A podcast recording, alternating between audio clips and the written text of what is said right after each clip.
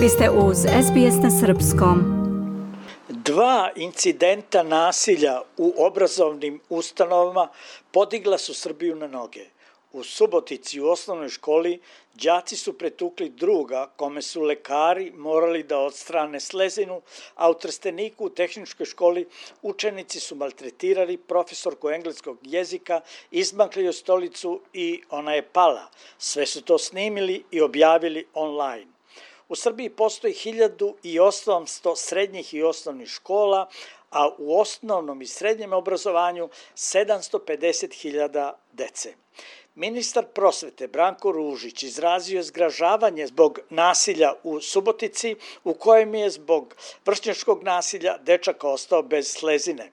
Mogu da izrazim zgražavanje nad nasiljem koje se dogodilo u Subotici, nažalost, dešava se i u drugim sredinama, Takođe i u Trsteniku, rekao je Ružić novinarima pred početak skupa Veliki ljudi od malih nogu, na kojem je predstavljen projekat inkluzivnog predškolskog vaspitanja i obrazovanja, koji se realizuje uz podršku Svetske banke i u partnerstvu Fondacije Novak Đoković.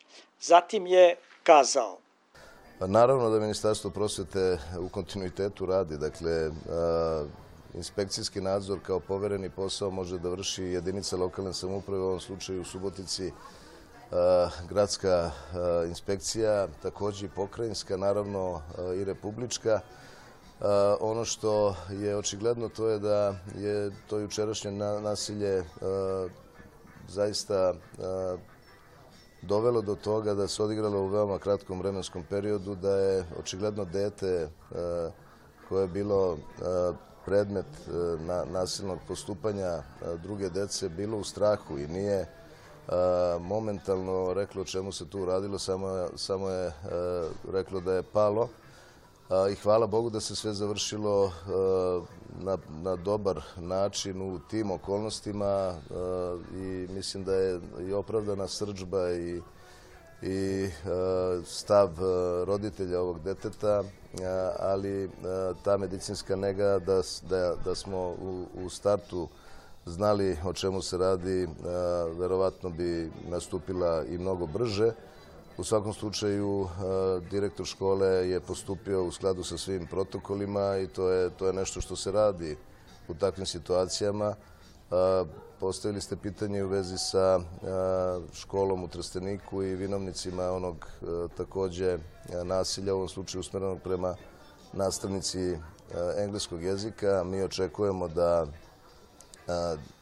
dakle, da taj disciplinski postupak da, da konkretan predlog mera. Očekujem da vinovnici budu isključeni iz škole i ono što jeste svakako potrebno, to je da poštujemo naš zakonodavni okvir, da poštujemo procedure i da shvatimo svi zajedno i mediji kojima se zahvaljujem na alarmiranju u vezi sa svim ovim stvarima koje se dešavaju, ali naravno i svi u društvu da postoje procedure i da ne možemo neke odluke donositi preko noći, već je potrebno da se čitav taj postupak ispoštuje da bi efekat u krajnjem epilogu bio onakav kakav je i propisan na različitim pravilnicima, protokolima pa i samim zakonom.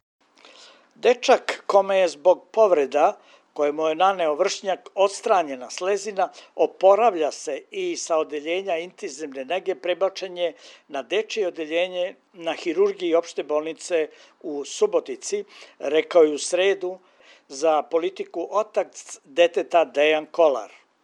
Kaže da mu je sin bolje.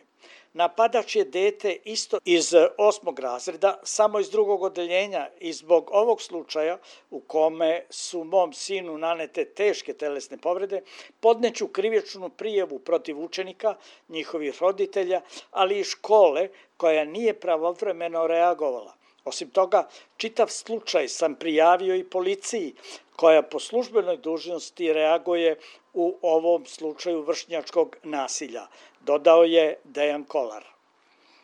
Na sednici nastavničkog veća u Tehničkoj školi u Trsteniku, koja je održana u sredu, doneta je jednoglasna odluka da se zbog nedavnog nasilja nad profesorkom engleskog jezika dvojica učenika isključe iz škole, dok je treći đak dan ranije sam podneo zahtjev i ispisao se. Ovakvim stavom nastavničkog veća osuđuje svaki vid nasilja, bilo nad učenicima, bilo nad zaposlenim u školi, objavljeno je u zvaničnom saopštenju ove škole. Incident u kome su đaci maltretirali profesorku, izmakli joj stolicu na kojoj je sedela, smejali se njenom padu i snimak srozavanja autoriteta prosvetnog radnika objavili online, dogodio se pre dve sedmice, tačnije 9. novembra, u popodnevnoj smeni na šestom času.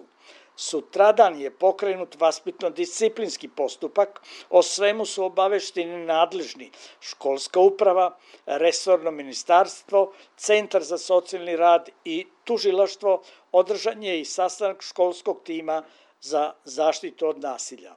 Iz Beograda za SBS radio, Hranislav Nikolić. Želite da čujete još priča poput ove?